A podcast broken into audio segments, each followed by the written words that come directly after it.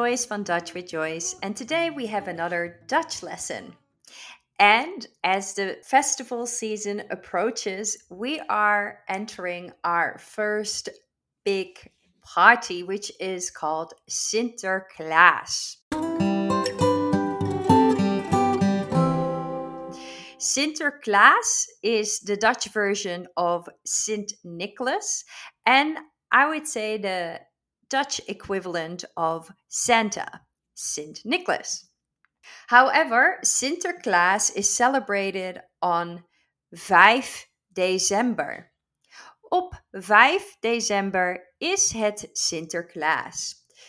And Sinterklaas is a festive get together mainly for kids. We will do presents, but mostly we will do Sinterklaasavond, which is kind of like your Christmas Eve. Sinterklaasavond. Op Sinterklaasavond, Sinterklaas Avond, Sinterklaas comes and delivers the presents, or his helpers will deliver the presents. And these helpers are called Pieten. Pieten, like the name Pete. Pieten.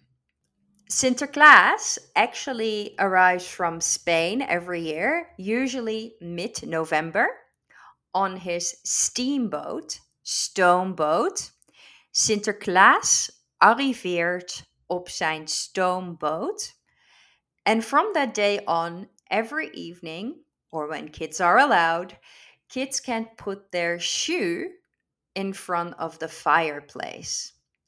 Shoe is schoen en fireplace is open haard.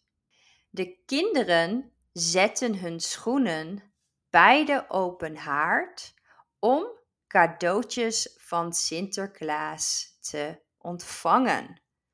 So the kids put their shoes near the fireplace to receive presents from Sinterklaas.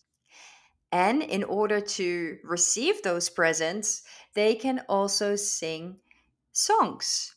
Sinterklaas liedjes. Liedjes are songs. En er zijn speciale Sinterklaasliedjes.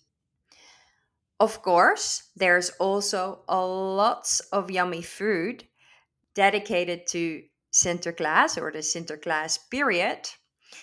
And perhaps you know these already, but two of the most famous Sinterklaas treats are called pepernoten, which is a literal translation to pepper nuts, and a synonym is kruidnoten, which is more like a spiced nut. So these are actually cookies, little cookies with spices in them, like pepper and nutmeg and other delicious spices. Um, you can get pepernoten in jouw schoen or during the Sinterklaas optocht, the Sinterklaas parade. De pieten gooien de pepernoten naar de kinderen.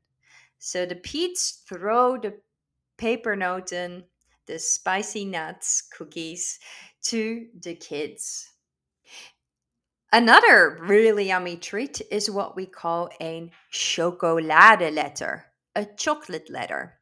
Very literal in this way because these are all chocolate letters in every letter of the alphabet. And the idea is that you get this as a present and you receive the letter, the first letter of your name. Classically, kids do want to get the letter M rather than their first letter because they think that letter is bigger and therefore they have more chocolate. But actually, it's just weighed in grams, so it doesn't really matter. But it is a really fun thing along kids um, during Sinterklaas time. So let's make a sentence with chocoladeletter. Ik krijg een chocoladeletter van Sinterklaas. Can you guess what this means? And to end today's lesson about Sinterklaas, we always say goodbye to Sinterklaas as well when he leaves from a function or when he leaves after 5 December. And we always say, Dag Sinterklaasje. So that's what I'm going to leave you with today. Dag Sinterklaasje, dag luisteraar. And until next time, doei!